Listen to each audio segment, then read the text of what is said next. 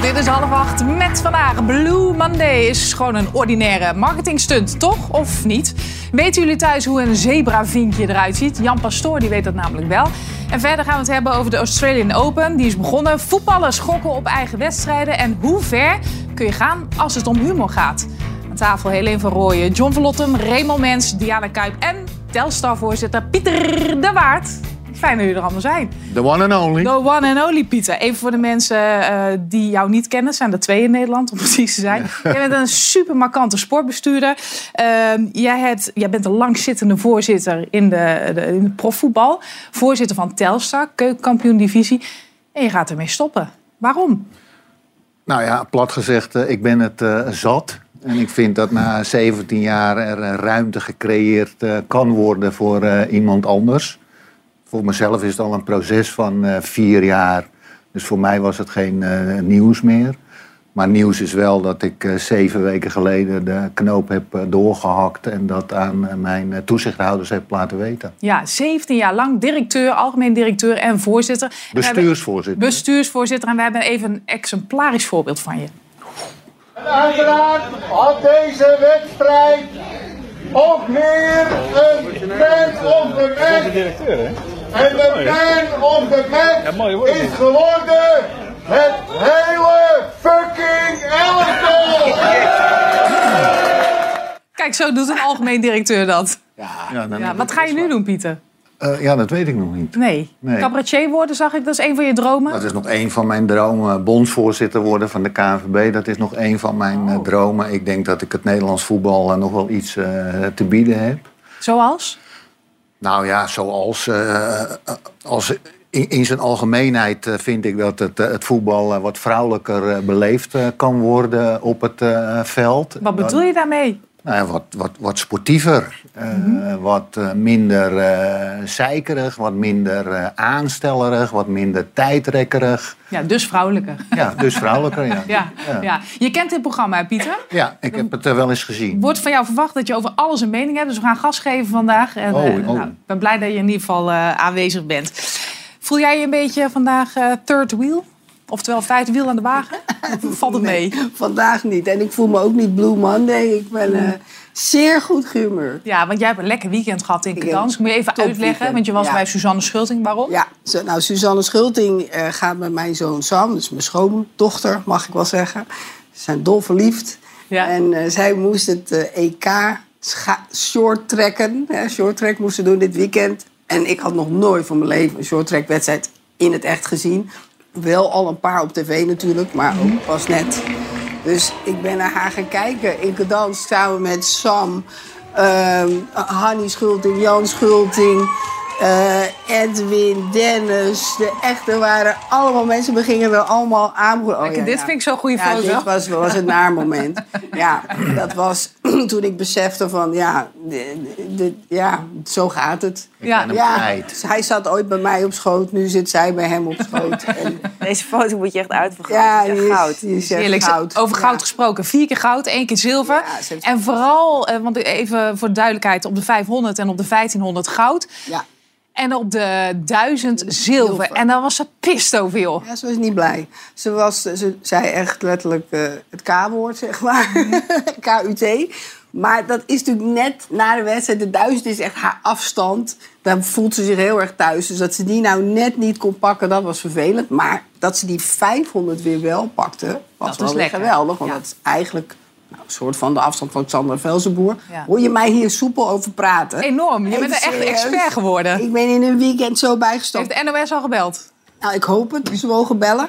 Maar dat was ook omdat Hanny en Jan, dus de ouders van Suzanne, er zaten. Die op de tribune bij ons, met die hele club. En die konden mij natuurlijk alles toefluisteren, want het is Ja. een hele gekke sport. Sandra Velzenboer die had, een, eh, die had echt een slecht weekend. Ja, die had- die had alleen maar ja, penalties en eh, disqualificaties. Ehm, oh, is ze dan vrij snel weer relaxed, Suzanne, na, na zo'n zilver? Want zilver is natuurlijk wel zilver. Ja, voor sporters geldt dat niet, dat weet je. Ja, was ja, het is natuurlijk fantastisch om met vier gouden medailles naar huis te gaan. Weet je? En eh, vanochtend zaten we in de taxi met elkaar en vond ik er alweer behoorlijk opgewekt. En het is een topsporter, die kijkt alweer uit naar het volgende. Dat Ja. is ook het goede. Die kunnen het toch snel achter zich laten, een paar keer vloeken en denken van... Ja, zegt John, natuurlijk. Ja, toch? Ja, dat ik moet toch gewonnen. ook? Ik was alleen maar aan het vloeken. Ja, maar je moet even vloeken. Maar daarna, ja, ze gaat nu weer trainen en ze gaat naar Dresden. Daar is weer een World Cup. Dus zij kijkt er weer vooruit. En Nou, jij zit er lekker in. Hoe was het met de medailles? Eh, Waren, de, daar was iets Ja, mee. dat Wat was was daarmee? zo grappig. Dat, dit is inside information. Ik weet niet eens of ik het mag vertellen. Maar het waren nep-medailles. Waarom? Echt, ze zei niet echt, nou de medaillefabriek was failliet gegaan. Geen, geen grap. Dus ze kregen geen echte. En ze zeiden, ja, ja, sorry, maar fabriek failliet. We sturen ze wel na, we gaan ze alsnog laten maken. Ik had er nog eentje mee willen nemen, aangezien ze toch nep waren. Maar ze zaten al in de koffer, die was al ingecheckt. Maar het zijn dus, ja, een soort... Ze zei ook dat het goud meer op brons leek dan op goud. Dus Ja. Kan het jou bekoren, Pieter? Eh, short track. Short track? Ja, ja. en eh, vooral eh, Suzanne. Ik vind dat een mooie verschijning op een top, top, op een topsportvrouw. maar het lijkt me wel heel lastig om met haar samen te moeten leven. Waarom? Omdat ze topsport Omdat is. ze topsporter ja, is. Ja. ja. ja, dat kan jouw vrouw misschien beamen. Ik weet niet. Hoe dan ook. Ik weet niet hoe het weer was in Gdansk, maar in Nederland hield het natuurlijk niet echt over. Het was een beetje grijs-grauw. Eh, en dan kom je al gauw uit op vandaag en op Blue Monday. Even alles op een rijtje over Blue Monday. De derde maandag van januari is de meest depressieve dag van het jaar.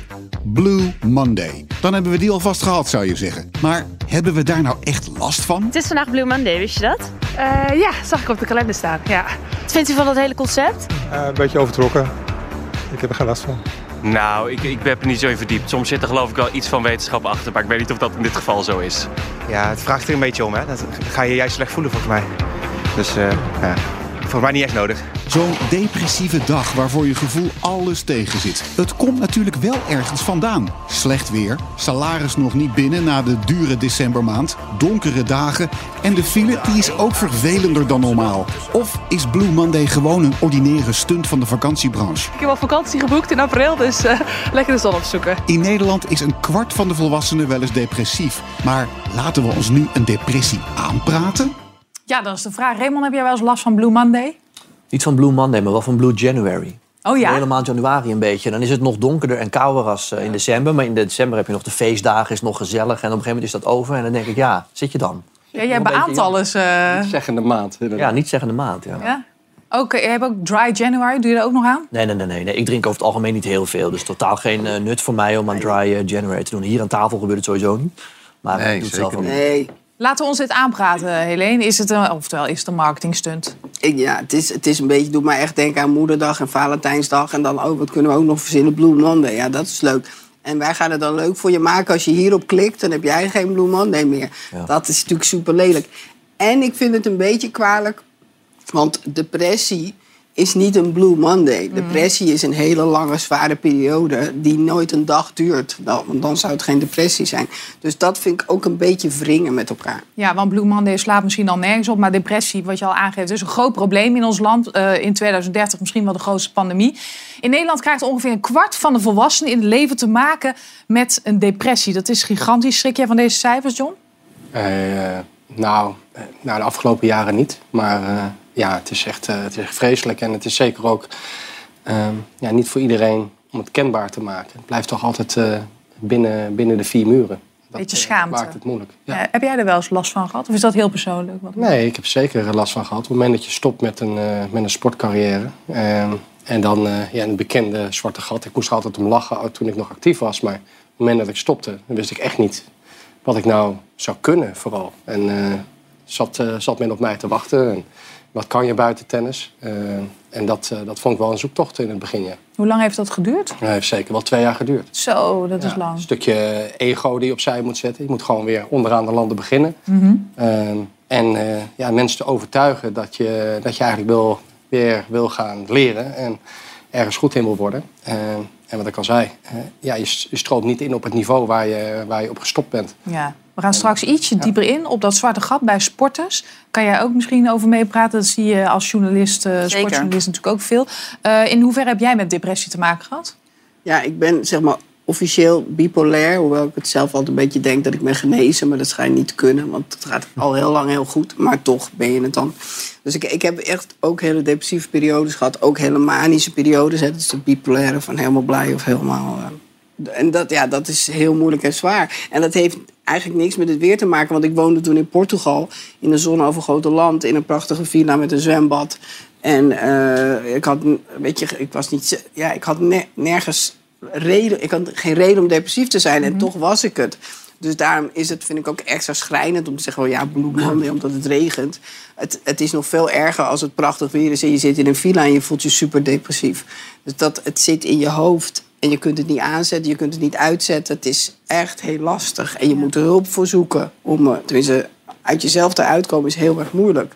En soms, zelfs als je hulp hebt, lukt het je niet om eruit te komen. Ja, dat is, dat is gewoon, ja, dat is zwaar. Wat mij opviel, het, eh, een jaar geleden werd het al bekend, hoor, maar het stond van de week eh, weer in de media. Partydrugs als ketamine en MDMA als nieuw medicijn tegen zware depressie. Heb je daar wel eens aan gedacht? Ik heb daar nooit aan gedacht, maar ik heb wel medicijnen geslikt en die hielpen ook. Dus ik ben ook altijd een groot ja, voorstander van medicatie. Wel proberen als praten niet helpt of als je er zelf echt niet uitkomt, om dat echt wel te proberen. En je daar ook niet voor te schamen. Want dat wat jij net zegt, het blijft binnen muren. Heel veel mensen hebben toch zoiets van: oh nee hoor, nee hoor, medicijnen, dat ga ik niet doen. Terwijl als jij diabetes hebt of wat dan ook, dan ga je ook niet zeggen: oh nee, ik stop met mijn insuline, want eh, ik kan het zelf wel. Mhm. het, het- het is soms iets wat je nodig hebt om ergens uit te komen. Dus, en als het dan partydrugs zijn die natuurlijk dan wel door In een, bepaalde mate. door een psychiater ge- gedoseerd wordt toegediend. Ja, prima. Ja, want er zijn ook behoorlijke zorgen. En dat heeft te maken met, eh, met, de, met de toename en hoe je dat dan doet. En in combinatie met je andere eh, medicijn. Als we het over depressie hebben, kunnen we ook praten over oud-prof wielrenner Liewe Westra. Die is afgelopen weekend overleden. Hij is 40 jaar geworden. En Thomas Seidsma, de schrijver van zijn biografie, eh, bracht het overlijden via Twitter naar buiten. En schreef: Westra vocht de laatste jaren met zichzelf en verloor. Rust, zacht beest. Volgens Seidsma had hij het de laatste maanden heel erg zwaar. Heeft hij ook wel vaker gehad. Maar van zelfdoding is eh, voor zover bekend geen sprake. Liewe Westra, dit zei hij zes jaar geleden. Ik was er gewoon helemaal klaar mee. En eh, ja, dat zijn straffe uitspraken. Maar ja, er is gewoon te veel gebeurd in één jaar tijd. Eh, relatie op schop, eh wonen in Monaco op mijn eentje daar. eh, veel van huis alleen. Eh, veel dingen om me heen zien gebeuren in de koers. Valpartijen, mensen die in coma nu nog steeds liggen en zulke dingen. En al die kleine dingen bij elkaar eh, ja, kan ook het beest Westra dus bijna kraken, zeg maar. Diana, kun je eens vertellen wat voor renner Liewe was? Ja, eh, een beest in alle opzichten. Dus eh meedogenloos voor zijn tegenstanders eh, sowieso. Hij ehm, was bijvoorbeeld eh, winnaar van Parijs-Nice, een etappe in Parijs-Nice in Dauphiné. Hij eh, reed voor Vacan Soleil en eh, Astana. Hij stopte in 2017. En daar gaf hij al eerlijk toe dat hij dus worstelde met van alles. Later zei hij ook bij de avondetappe dat hij gewoon echt al een paar jaar of de laatste jaren van zijn carrière last had van depressies. Waar hij dan ook hulp voor zocht en waar hij ook bijvoorbeeld medicijnen voor nam. Maar daar is vaak een bijwerking van dat je dan wat zwaarder wordt. Nou, in het wielrennen is dat super onhandig. Dan gaat het om ieder grammetje. Ja. Dus dan stopte hij daar weer mee en dan viel hij weer terug.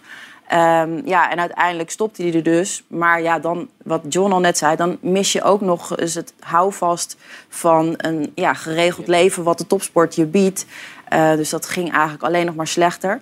Daarna kwam er een periode die wel weer goed ging. Hij werd verliefd en hij ging ehm, met die vrouw eh, een, een wielerhotel runnen. En toen leek het allemaal weer goed, goed te gaan. En iedereen ja, haalde een soort van opgelucht adem. Dat iedereen wel van Liewe wist dat hij heel extreem was. Dus niet alleen in zijn sport. Weet je, als iedereen vijf uur ging trainen, ging hij acht. Maar dus ook als hij ging feesten, ging hij altijd tot het gaatje. En dat wist iedereen wel. Dus iedereen hield een beetje zijn hart vast. Maar toen een tijdje ging het goed. Maar het laatste jaar, toen was het ook wel in de wielerwereld, werd het bekend dat, ja, dat het weer niet goed ging. Zijn relatie was uitgegaan en ja, hij kwam veel in het nieuws of veel in opspraak. Toen was hij in aanraking met de politie, veel drank en drugs en heel hard gaan. En uiteindelijk is eh, ja, die, die drang naar zelfdestructie is hem fataal geworden. Ja, Leeuw Westra bovenal een geweldig sportman, een geweldige renner. Ehm, dit is vaak nog een beetje een taboe, zeker bij sporters. Merk jij daar iets van eh, bij, bij eh, jullie voetballers, bij Telstar? Wordt dit wel eens besproken? Nou, ik denk wel dat het eh, bes- besproken wordt, maar dat is dan meer het domein van eh, onze sportarts, onze clubarts. Maar van dichtbij heb ik het eh, nooit eh, meegemaakt. Maar als ik over mezelf eh, mag spreken, ben ik zelf in mijn leven ook al eh, drie keer in, eh, in therapie geweest. Ik, ik wil dat dan geen depressiviteit noemen. Maar wel ja, dat je met iets zit waar je alleen niet doorheen komt. En als ik er bij ons intern tegenaan loop, dan is dat ook wel het eerste advies wat ik altijd geef. Er zijn mensen gespecialiseerd om jou eh, daarbij eh, te ondersteunen eh, en te helpen. En het is geen schande om daar aan te bellen.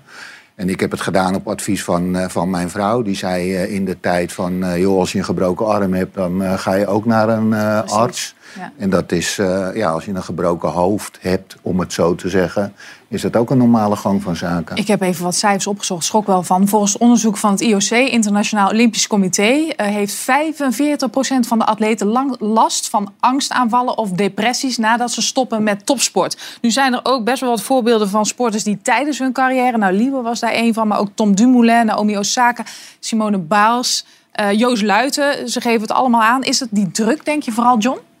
Ja, het is, je bent echt eh, alleen. Het is een hele individuele sport. Ook al zit je in een teamsport, eh, je bent toch je individuele sporter. Eh, je houdt vast aan je ritme vanaf dat je jong begint, zes jaar tot aan, eh, tot aan nou ja, het is het 25 tot 30, wanneer je stopt. En dan wordt eigenlijk alles, is alles weg. Een, een, normale kind die gaat naar school, gaat studeren en die groeit en die wordt beter in, in het vak wat hij geleerd heeft. En daar begin je gewoon weer helemaal op nul. Ehm, je houvast is weg, je ritme ehm, en je vertrouwen zakt ook weg. Ehm, en dan we beter inderdaad monitoren? maandagochtend, dan gaat iedereen naar zijn werk. Ja, en wat doe je, wat kan je? Dus En ook je identiteit je identiteit. Het is, het is, dat is waar je altijd op aangesproken wordt en wat je bent, zeg maar. Ja, je moet jezelf echt weer opnieuw gaan herontdekken. En Ja. dat, is, dat, is, dat is lastig, vind ik. Eh, Dat vond ik heel erg moeilijk. Wat zijn de belangrijkste tips die je zou kunnen geven aan sporters die daar tegenaan lopen? Ja, het, het- ja, het is cliché, maar eh, precies dat. Eh, je moet echt eh, het zelf herkennen. Ik denk Ja. dat, dat dat één is. En dan inderdaad hulp zoeken. Ehm, eh, en ja, toch ook een stukje ego opzij kunnen zetten. Is dat je weet dat je niet op hetzelfde niveau weer instapt waar je eh, geëindigd bent. En dat is soms nog wel eens lastig voor, eh, voor een sporter die eigenlijk ja, drijft ook op, op ego op het moment dat je, dat je topsporter bent. Ja, ik, zie dat het bijna voor, bijna voor alle sporters is het lastig. Tenzij ze bijvoorbeeld dan coach worden of ploegleider. Want dat lijkt een beetje erop. Ja. Ehm, maar als je dan al depressief, want depressief is gewoon een ziekte. Als je dat al in je hebt, voor, voor die sporters is het het zwaarst. En we kunnen helaas niet zeggen dat Leeuwen niet werd gemonitord. Er waren echt wel heel veel mensen om hem heen. En hij, ja, hij zei ook dat laatste jaar gewoon... jongens, ik wil gewoon eh, drank en drugs gebruiken. Dat is nu mijn verdoving. En ze kregen hem er gewoon niet meer uit. Dus dat is een op zichzelf gewoon echt een super triest verhaal... waar je gewoon geen grip meer op iemand krijgt. Maar inderdaad, eh, de, de mensen van wie je weet dat ze de, al kwetsbaar zijn... die moet je zeker in, zo'n, in dat zwarte gat in de gaten houden. Er zijn ook bijna geen programma's voor. Op het moment dat ik eh, stopte met, eh, met tennis op de ATP-tour... dan is het eh, bedankt. En, eh, En tot ziens. Maar is, het- is het ook niet een tip om al tijdens je carrière te gaan denken van wat ga ik hierna doen? Want ik weet dat Susanne daar ja. wel al echt mee bezig Maar in de is. voetballerij zien we dat bijna niet, hè, die begeleiding. Nee. Helemaal niet. Wordt helemaal niet Vanuit de. VVCS wordt er op dat gebied wel het een Wil je en even zeggen wat eh, VVCS is? De, de, de, de, Belangenvereniging? de Belangenvereniging Ja. van betaald voetbalspelers. en vanuit die organisatie wordt, wordt er op dat vlak wel een, een hoop geregeld en een hoop georganiseerd. Maar het is alleen jammer dat niet alle spelers daar gebruik van eh, maken. Want die Mhm. denken, dat geldt niet voor mij. Ja. Sta je er ook, jij je staat er ook niet ook echt voor open Ja, ja. op dat moment. Omdat je gewoon zo ook in die tunnel zit. eh dat je nog helemaal niet aan het nadenken bent over wat je daarna wil gaan doen. Haal het uit die taboes weer. Dat is in ieder geval één ding wat zeker is. We blijven even in de sport, want er was veel te doen over voetballers dit weekend. Die gokken op eigen wedstrijden. Waren we in 2015 in het betaalde voetbal nog in de ban van de Bel-Chinezen? Inmiddels doen de spelers het gewoon zelf. Online gokken op wedstrijden. Eind 2021 werd het legaal en vanaf die tijd worden we overspoeld met commercials. 25 spelers uit het betaald voetbal zouden in de afgelopen maanden hebben gegokt op wedstrijden waarin ze zelf speelden. Of op hun eigen competitie. Volgens de reglementen is dat strafbaar. Het betreft zes spelers uit de eredivisie en 19 uit de keukenkampioendivisie. Hoe is dit te voorkomen? Ja, dat is een beetje de centrale vraag die we straks eh, dan gaan beantwoorden. Ik wil nog wel even aan toevoegen. In 2013 is er ook al onderzoek gedaan naar matchfixing. En daar kwam naar boven dat eh, vooral sporters bovenmatig veel gokken. En dat was toen al een zorg. Nou, dat is alleen maar toegenomen. Dus ja, we kunnen hier niet heel veel van schrikken, toch? Van deze... Of toch wel? Nou ja, ik vond die cijfers, vooral omdat het gaat om de laatste maanden. Ja. Er wordt van, door de bond vooral gezegd, van, ja, dat komt door onwetendheid. Er zijn heel veel voetballers die niet weten dat het niet mag. Maar dan denk ik, ja... Ah, meen je dat echt? Nee, net ik dus niet, hè. Dus Nee. dat, hoor, dat hoor ik ze zeggen. En ik vind het dus bizar. Zeker sinds Tommy Beugelsdijk eh, een half jaar geleden geschorst werd. Speler van Helmond Sport. Ja, die werd geschorst omdat het dus was gebleken dat hij op zijn eigen... Destijds Sparta, sorry. Ja, zijn eigen wedstrijden had gegokt. Ehm, ja, dan, iedereen praat met elkaar, iedereen weet dat. Dan kan het gewoon niet zo zijn dat je, ja, dat je dan weer op je eigen eh, wedstrijden gaat gokken, toch? En dan zegt dat je het niet Misschien weet. toch wel een stukje naïviteit. Misschien dat ze sommige. Oké, ik snap dat ik niet op mijn eigen wedstrijd eh, mag gokken. Maar wel in de sport of wel op een andere sport of eh, een competitie. Wat zou een speler van een Helmond Sport er baat bij hebben om een wedstrijd van Feyenoord-Ajax en daar op te gokken? Is, waar, waar zit die grens? Ja. Wat mag wel en wat mag niet? Maar dat, Pieter, jullie- is dat onduidelijk. Jullie doen toch wel aan voorlichting, neem ik aan? Ja, ik, ik schat dat er ongeveer 1400 eh, profvoetballers zijn in eh, Nederland. Dus afgezet tegen het eh, aantal eh 2% vind ik het eerlijk gezegd nog wel eh Ja, maar dit zijn de, be- de, de bekende gevallen. Ja, ja, helder. Ik ga ook niet ontkennen dat het, eh, dat het niet eh, gebeurt, want daar wordt onderzoek naar eh, gedaan en ik geloof in, eh, in onderzoeken. Wat was je vraag? Ja, of jullie voorlichting geven. Oh ja, ja. ja dus er wordt ook weer vanuit de VVCS wordt er eh, heel veel voorlichting eh, gegeven. Ja, dus op dat, ze, kunnen, eh, ze moeten het weten. Ze weten het dus eigenlijk. Ze tekenen een arbeidsovereenkomst waarin het letterlijk beschreven staat. Gij zult niet wedden op wedstrijden in uw eigen competitie. Ja. Dus kan je ook de vraag stellen van eh, lees je nou alleen je salaris en het aantal eh, Waarschijnlijk wel. vrij- vrije dagen? Ja. Dus wat dat er gaat, Nou, daar zullen ze niet uniek in zijn. Er zullen heel veel werknemers Nee, maar, maar blijkbaar is er nog onvoldoende voorlichting. Ook al is er heel veel voorlichting. Ja, het is trouwens niet met zekerheid te zeggen dat het dus om matchfixing gaat. En gokken op eigen wedstrijden is alleen maar een overtreding van de sportregelgeving. Dat is misschien ook wel eh, aardig om eh daarbij te... In, in de tenniswereld gebeurt het ook veel, hè, gokken. Ja, heel veel. Ik ben eigenlijk nog, nog kwetsbaarder. Heb jij wel eens gegokt? Nee, ik heb nog nooit gegokt, überhaupt niet. Ook niet in een casino. Dus, eh, maar ik ben wel benaderd? Ik ben wel eens benaderd, ja. ja dat is, eh, zeker in mijn tijd was dat, eh, was het eh, heel makkelijk. eh. En hoe ging dat dan? Benaderd om van, oh, ga maar verliezen? Of... Ja, om, Ja, om, echt? een, om een wedstrijd te manipuleren. En nooit in de verleiding gebracht dat je denkt, nou, dat levert me toch 10.000 euro op. Nee, nee, nee. eh, en daarin zijn wel spelers vanuit eh, Zuid-Amerika of eh, Oost-Europese landen... die het toch wat moeilijker hadden om, eh, om die eerste stap te maken. En vaak zie je toch ook dat in toernooien zijn die eh, nog aan het begin van je carrière zitten. De Challenger circuit, de echte grote ATP-toernooien. Daar gebeurt het niet meer, daar gaat te veel geld in om. Ehm, eh, alleen daar zijn het, ja, het is heel kwetsbaar. Je Ja. wordt gewoon gebeld eh, of iemand stapt op je af en je vraagt... Het is ook wel verleidelijk. En in 2018 zijn er twee Nederlandse spelers opgepakt voor matchfixing in tennis. Daar zat een Armeense bende achter. En dat gaat dan vaak om 500 euro tot 10.000. Ehm, ja, wat ik net al zei, het, is, het klinkt heel verleidelijk. En als je veel alleen bent eh, in die tenniswereld en je moet maar reizen, ja, dan snap Ja, ik dat- je op een gegeven moment denkt, Je "Mwah." bent ontvankelijk en, eh, en je, ze zien ook wel welke spelers er, er op, die- op die manier kwetsbaar zijn. Ehm, en ja, voor tennis kan je op allerlei aspecten gokken. Dus eh verlies de tweede set of eh, met die en die scoren. Eh, dus daar kan je ook nog in manipuleren met je tegenstander. Dus met z'n tweeën kan je Ja, een hele wedstrijd bepalen. nodig. Maar dat is inderdaad... Die heb je nodig. Tennis is een ideale goksport. hè, want Ja, maar in het voetbal heb je dat ook. Dat is dus waar, want je moet niet alleen denken van je moet die wedstrijd nu winnen of verliezen. Dus die, er worden spelers benaderd en die worden gevraagd: hey, kan jij de ingooi doen? Of eh, kan jij een gele kaart pakken? En dan denkt die speler van, nou ja, weet je, wel, dan benadeel ik niemand. Weet je, die zit nog met zijn met z'n, eh, geweten in de knoop, maar dat, dat gaat er dan wel doorheen. En voor je het weet zit je dan vast in dat web van de maffia die je daarvoor benadert. En zo raken die spelers daarin verstrikt. Ja, nu is Ik het vind in nog wel een Nederland... groot, eh, ik vind nog wel een groot verschil of je inderdaad eh, open staat voor matchfixing. Dus Ja. inderdaad het, het manipuleren van wedstrijden. Of dat je gokt 100 procent. Nee, dat is totaal. Dat zijn twee verschillende Ja. dingen, maar die scheidingslijn is natuurlijk wel dun. Hier zijn natuurlijk bepaalde regels, maar in Amerika zijn ze daar veel uh, forser in. Die uh, Zeker. pakken meteen door. Veel uh, voor zijn. Nou, en in Amerika gaat er ook veel meer geld in om. Hè. Dus in totaal American voetbal alleen al. Je hebt natuurlijk ook honkbal wat daar groot is, basketbal.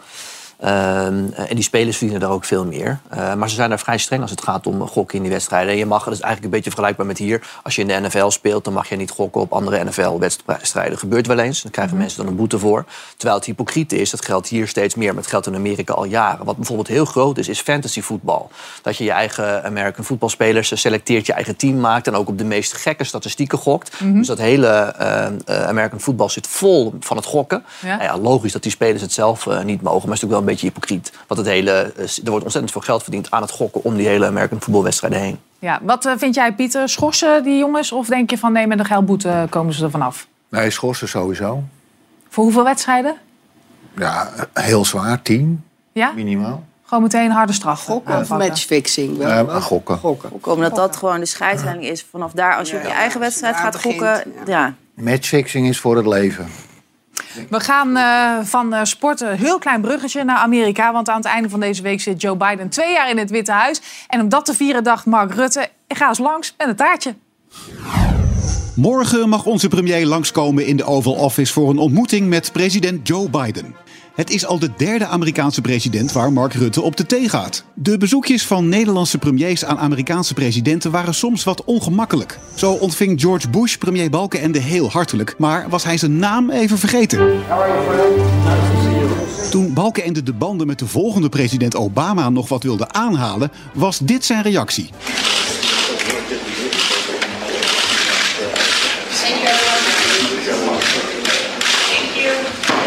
Nee, dan deed Mark Rutte het beter bij Donald Trump. Hij durfde hem zelfs tegen te spreken. No. Toch waren de Amerikaanse media niet onder de indruk. Die dachten dat Rutte de Deense premier was. Of een of ander nieuw lid van het Hoge Rechtshof. Nemen de Verenigde Staten Nederland wel serieus? Raymond, ik ga ervan uit dat ze in Amerika alles uit de kast hebben getrokken om hem te ontvangen. Ja, 100 procent. Uh, Prime minister Roet uh, komt langs. Nou ja, kijk, uh, de Verenigde Staten nemen Nederland wel serieus.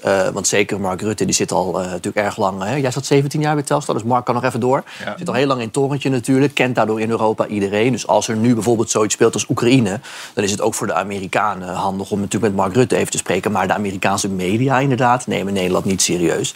je zag het net, er wordt gedacht dat hij de premier van Denemarken is. Ja. Denemarken is dan weer de hoofdstad van Amsterdam, denken de meeste Amerikanen. oh, dus dat maakt niet zoveel uit. Zeg nee. meer over hun. Niet. En wat je natuurlijk vaak ziet, daar zagen we net ook beelden van. Het is voor de uh, verslaggevers van Nederland in Amerika. Denk aan Erik Moutaan bijvoorbeeld, Lucas Waagmeester. Is het een moment om ook uitgenodigd te worden in het uh, Oval Office. En dan kunnen ze ook Mark en Joe Biden wat vragen stellen.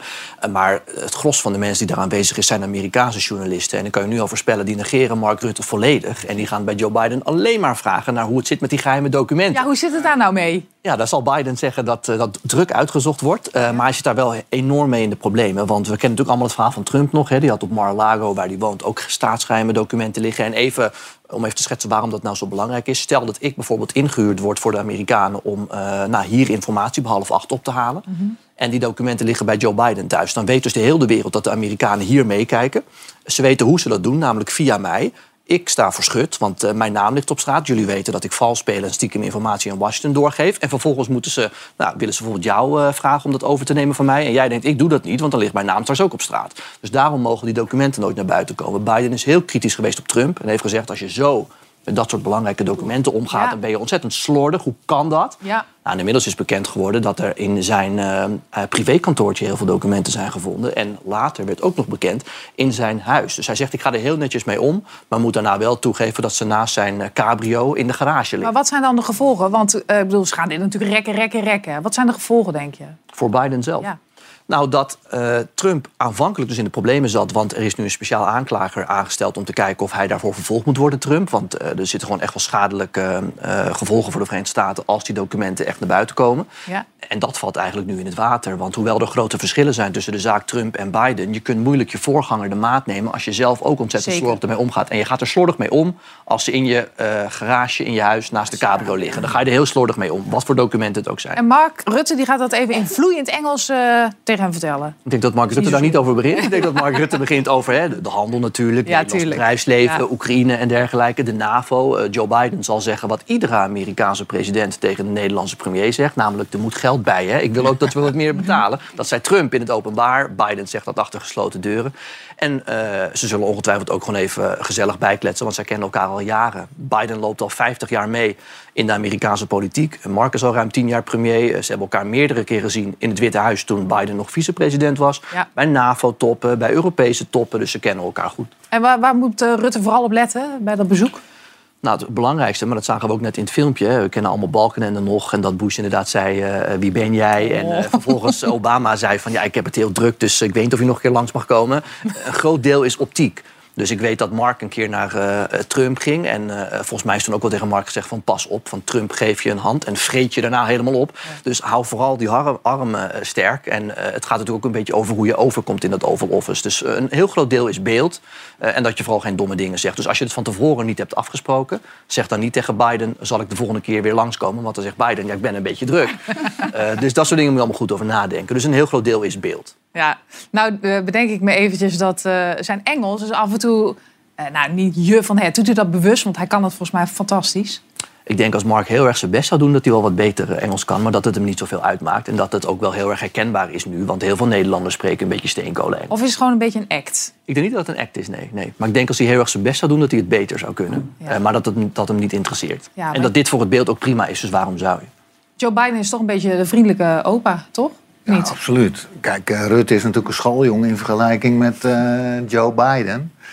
En Joe Biden geeft mij altijd het heerlijke gevoel dat ik nog een toekomst eh, voor me heb.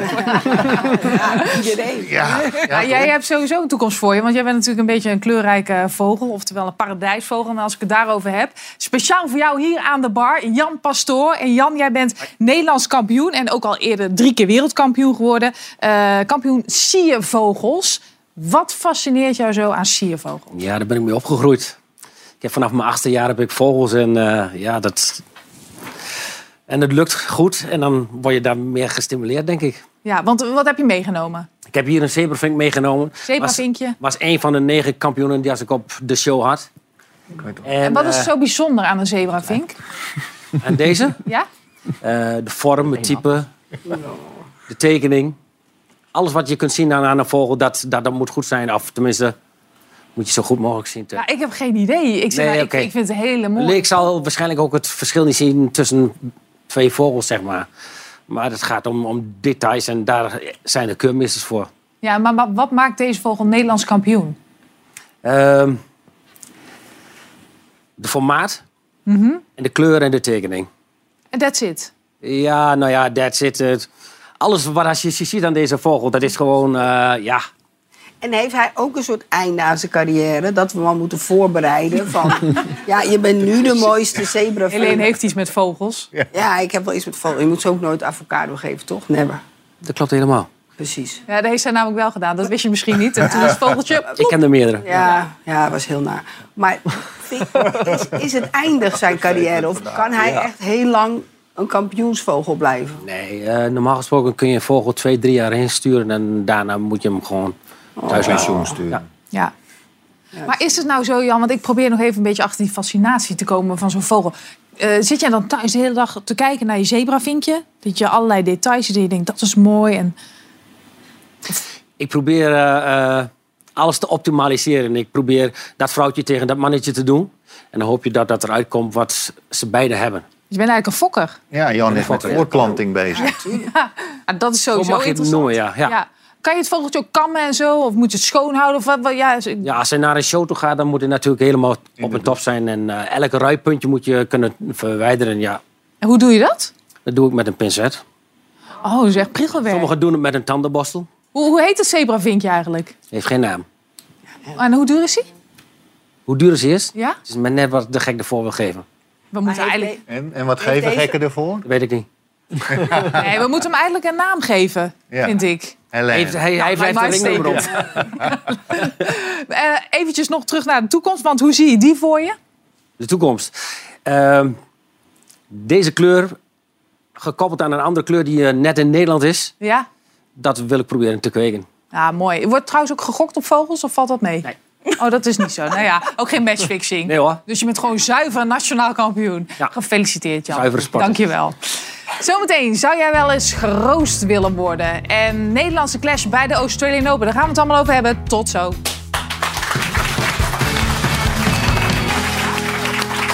Eh, welkom terug. Pieter de Waard, bevalt het een beetje aan tafel? Langzittende Ik vind het enig. clubbestuurder. Vind je het eng? Enig. Oh, enig. Nee, Ja. eng, dat was ik niet bij jou. Eh. goed gezelschap eh, Ja. maak je niet mee. Kende jij Raymond trouwens? eh, Voetbalkantine. Kende jij Raymond?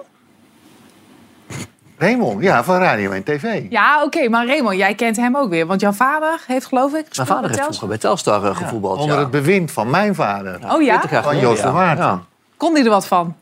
Ja, dat weet ik niet. Dat zou ik niet meer aan mijn vader kunnen Nee. vragen ook. Volgens mijn vader ging het heel goed. Ja, heel goed. We gaan het hebben over tennis. Want tennissers Stallon Griekspoor en Botek van der Zandschulp... die plaatsen zich bij de, voor de tweede ronde van de Australian Open... die natuurlijk eh, van start is gegaan. En wat denk je? Ze spelen tegen elkaar. Maar John, eerst even die eerste ronde... want die hebben ze dus allebei gewonnen. Hoe ging dat? Ja, heel goed. Ze hebben beide, eh, nou ja, vooral uh, Griekspoor, die won eh, in drie sets. Van de Zandschulp in vier sets. Eh, ik moet zeggen dat eh, ze ook wel aan hun stand verplicht waren. Eh, maar ja, ze zijn beide in, eh, in vorm. En met name Griekspoor Ja, heeft eh, vorige week een, zijn eerste ATP-titel gewonnen. het werd tijd. En het werd tijd.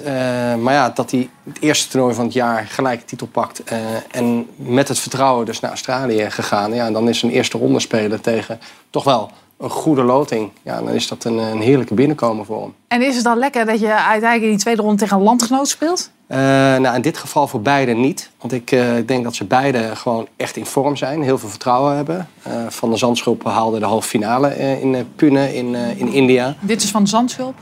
Dit is van de Zandschulp. Hij had een wat lastige eerste ronde. Ivaska is een goede speler. Ehm, maar hij vocht zich knap terug in deze wedstrijd. Een aantal keer achtergestaan. Maar eh, ja, met zijn eh, tennis van de afgelopen anderhalf jaar eh, is hij zeker aan zijn stand verplicht om deze wedstrijd te winnen. Hij staat ook geplaatst, een van de geplaatste spelers.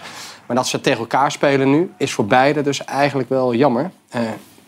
Daar gaat een Nederlander naar de derde ronde. Dat is Ja. dan positief. Maar ik denk dat ze wel in staat waren om eh, wat verder te komen beide dan eh, alleen het, eh, het halen van de derde ronde. Ja, de laatste keer dat ze tegenover elkaar stonden, is niet eens zo lang geleden. Twee weken geleden, daar was ik nog bij.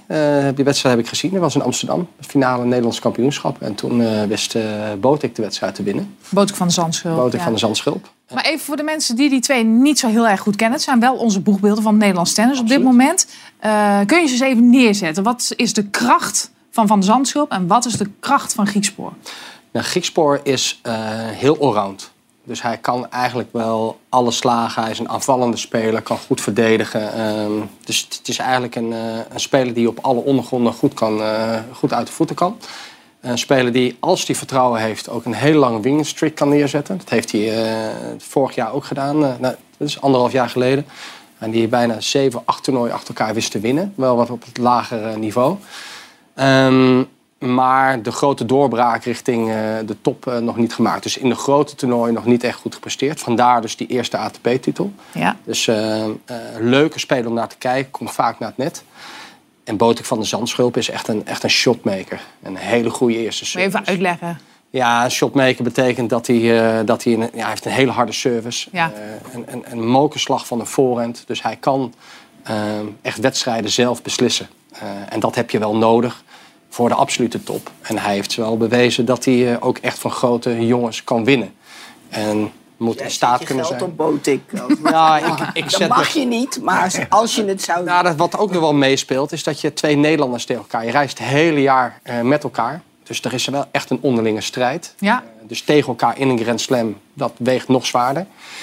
Eh Botik is wel een speler die eh, voor zijn gevoel eh, verder is. Dus hij is degene die, eh, die moet winnen. Aan zijn stand verplicht. Hoe hard is zijn service eigenlijk? Even in kilometers uitgedrukt. Nou, ik denk dat hij wel rond de 220 km per uur... Ja, niet normaal. Eh, Bedenk je even dat dat op je afkomt en dan moet je reageren. Hoe hard was jouw service? Ik haalde net de 200. Zo. Ja. Ja. Maar is het ook, eh want dat is ook het verschil tussen deze twee. Eh, dus hij, hij kan echt wel wedstrijden beslissen door veel aces te slaan. Natuurlijk op belangrijke punten. Ja. Eh, de finale wordt natuurlijk gewoon Nadal Djokovic. Nou, normaal. eh, ik, ik, ja, je mag natuurlijk Nadal nooit en nooit onderschatten. Nee. Ah, Djokovic is wel de man eh, in dit toernooi. Vorig jaar natuurlijk met al die ellende rondom corona en dat dit land werd uitgezet. Ik ben benieuwd hoe hij ontvangen wordt eh, op het centercourt van Melbourne. Het is toch een beetje een voetbalpubliek daar in, eh, in Australië. Houden van een drankje s s'avonds. Maar eh, ik vind hem de absolute grote favoriet voor het winnen van het toernooi. Nadal heeft het wat lastiger de laatste maanden. En eh, ook hier in deze openingsronde verloor hij een set. Ja. Dus ik, eh, maar ja, je mag hem natuurlijk never nooit niet uitvlakken. Nee, wie er niet bij is, en dat vind ik wel jammer, is Nick Kyrgios. En voor de mensen die niet weten, dat is echt de bad boy van het tennis. Jij zit te kijken alsof je water ziet van. dat is echt de bad boy eh, van het tennis. En die is niet bij omdat hij een bloedprop had in zijn knie. Maar ehm, ja, hij was wel in vorm. Hij was in vorm. En dit is de man waar het eigenlijk om draait. Hij is degene die de stadions vol krijgt. Of, eh, ja, je- of je vindt hem vreselijk of je vindt hem fantastisch. Maar er gebeurt altijd wat op de baan. Net te gek hoor ik hier al. Ja. Wat vind jij ervan? En, en is Tsitsipas geen eh kans hebben? Jawel, is wel, is, is wel een kanshebber. Heeft nog nooit een Grand Slam gewonnen. Is wel een speler die denk ik over de, ja, de komende twee jaar er wel eentje gaat winnen. Maar ja, hij is wel... Hij is ook nog een Aussie. Ja. Oh, ja, ja, ja. Ik ben echt een beetje eh, verbaasd. En er Je, bent zo op de hoogte van de sport. Je gooit er even hoppakee een tennisnaam uit. Wat vind jij van Kyrgios? Ja, heerlijk. Ja, dit zijn eh, voor mij als sportjournalist natuurlijk de paradijsvogels zijn het leukste om, eh, om over te schrijven en die verhalen te volgen. En hij, ja, hij is een soort rapper die zich als een rockstar gedraagt en dan in die witte gentlemansport die tennis is, ja, dat, dat is, zorgt voor een enorme shock. En eh, ja, ik geniet daar heel erg van. En ik snap dat mensen hem irritant vinden omdat hij agressief is en hij vloekt veel. Maar ik vind zijn verhaal, ik snap het wel, want hij zegt dus van ja, ik ben niet, ik hou niet van de tenniswereld, ik hou van de sporttennis. Dus ik heb verder niks te maken met hoe jullie vinden dat het hoort. En hij voelt zich, hij is ook van kleur. Hij heeft gezegd ja, als sport, zwarte speler heb ik me altijd gediscrimineerd gevoeld, ook door de tenniswereld. Dus ik voel ook nu niet, eh, eh, het, ik heb niet het gevoel dat ik jullie iets moet bewijzen of dat ik me op een bepaalde manier moet gedragen voor jullie. Ik kom hier gewoon te tennissen. Ik hou daarvan. Hij heeft een Als karakter. iemand zich heeft ingelezen... Ja, dan is het Diana, zeker. Hij wordt ook altijd boos op, hij wordt boos op zijn eigen box. Die gaat hij helemaal uitschalen. Ja, en op de scheidsrechter Ja, maar- en eigenlijk op iedereen. Eigenlijk zijn eigen support. En ik zag een verjeugdfoto van hem. Hij was super dik. Hij Ja, was een Billy Turf. Dat vind ik dus schitterend. Heel, ja, fantastisch. Er is nu een docu uitgekomen, net zoals wat eh, Drive to Survive was, is nu eh, op, op Netflix. Ja. Dat Eh, wil ik gaan eh, kijken. Breakpoint. En ja, Zit hij eerste uitzending gaat over hem. Ja, Dus hij- maar hij komt van hij heel probeert, ver. Inderdaad, proberen wel heel het, dik nieuwe, nieuwe Ja. publiek eh, een beetje te koppelen aan, eh, aan de Nick Kyrgios. Aanrader. Let op Nick Kyrgios. Helaas niet eh, bij Australian Open, maar die komt eh, weer bovendrijven. Zou jij graag wel eens een keer geroost willen worden? Ja, heel graag. Dat zou een goede grap over jou te vertellen. Ja, absoluut. Ik, ja. Overigens roost ik ook graag eh, mensen. Ja? Dus bij gelegenheden, dan, eh, bij vrienden of, eh, of familie. Dan, ja, dan, dan ben ik wel bereid om een eh, stukje te schrijven. En dat kunnen ze wel waarderen. Niet altijd. Vanavond ligt Famke Louise op de grill, want het is weer tijd voor een avondje ongeremd roosten. De roast waaide over uit, hoe kan het ook anders, de Verenigde Staten. Waar Donald Trump ooit op de grill werd gelegd door Snoop Dogg. Donald say he wants to run for uh, president and move on into the White House. Why not? It wouldn't be the first time you pushed a black family out of their home. Wie op zoek is naar subtiele grappen is bij de roast aan het verkeerde adres. Hoe harder, hoe beter. Zo bleek ook bij de eerste Nederlandse roast in 2016. Gordon was het dappere slachtoffer. We kunnen diversiteit goed gebruiken. Gordon heeft weinig donkere vrienden. Het enige wat donker aan is, is de buitenkant van hun condooms. Is maar een grapje? Ze gebruiken helemaal geen condooms. De toon was gezet voor een jaarlijks evenement. Willy Wortel, succes kan je naar je kop stijgen, maar blijkbaar kan het ook naar je pens zakken. The fuck?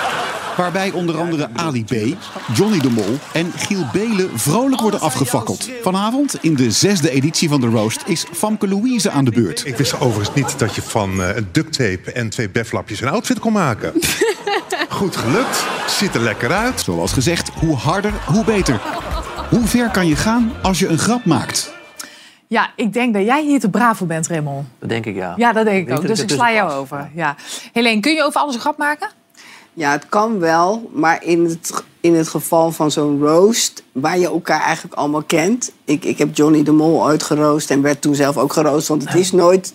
Ja, zij wordt geroost, maar Iedereen roost elkaar. Is- Ja, nou, hou dit even vast, want daar hebben we natuurlijk beeld van. Kijk maar, let op. Jeroen, omdat je een striptekenaar bent, hoef je nog niet uit te zien als een stripfiguur. Je hoeft je beroep niet uit te beelden. Neem een voorbeeld aan Helene van Rooyen. Dat is een schrijfster, maar je ziet eruit als een hoer. Helene van Rooyen is de enige vrouw ter wereld die voor een groepsverkrachting een datumprikker aanmaakt. en voor de abortus een tikkie. Waarom klinkt je stem altijd alsof je gisteren buiten in de kou hebt lopen tippelen? Waarschijnlijk omdat je gisteren buiten in de kou hebt lopen tippelen. Nou, ik zie jullie allemaal lachen aan tafel, behalve Wel heel jij. Jij bent hier niet zo van. Jawel, jawel, ik moest hier wel om lachen. Ja, nou, het voorbeeld, eh, ja, de- de vraag van tot hoe ver kan je gaan? Ik denk dat humor moet inderdaad altijd kunnen. Maar in het geval van eh, ja, wat we vanavond gaan zien... daar heeft zij gezegd... eh, ik vond het niet leuk dat er een grap is gemaakt over mijn overleden vader. Ehm, ja, dat vind ik dus zelf ook een lastige. Ik snap niet waarom je zou maken, want ik, ik, ik snap niet waar die leuk zou kunnen zijn. Dus, dus voor mij ligt daar wel eh, ja, een grens. Niet dat het niet zou mogen, maar ik zou hem niet leuk vinden in ieder geval. Ja, het toeval wil, di- dit was in 2018. En dat jaar was mijn moeder overleden. En ook trouwens mijn schoonvader. Maar, eh, en Peter Pannenkoek ging mij, nou ja, ging mij roosten. En toen hoorde ik al in de wandelgangen dat hij grappen wilde maken over mijn moeder. En toen heb ik echt gezegd van ja, dat zou ik echt niet cool vinden. O- En los van dat het niet mag. Want ja, je kan... Ik, bedoel, grap, ik vind ook echt dat je grappen niet moet verbieden. Ik zeg, maar als dat gebeurt, ga ik waarschijnlijk huilen. Kan ik mijn eigen roost niet goed doen. Wordt het voor mij echt een rotavond. Dus dat gaat er niet. Dat En gaat heeft hij het niet gedaan, van- Hij heeft het niet gedaan. Hij kwam van tevoren naar mijn kleedkamer toe. Hij zei: Ja, ik weet dat je bang bent, maar ik, Ja. heb- ik ga het niet doen. Gentleman. Ja. Ehm, al die grappen die worden toch allemaal niet zelf bedacht?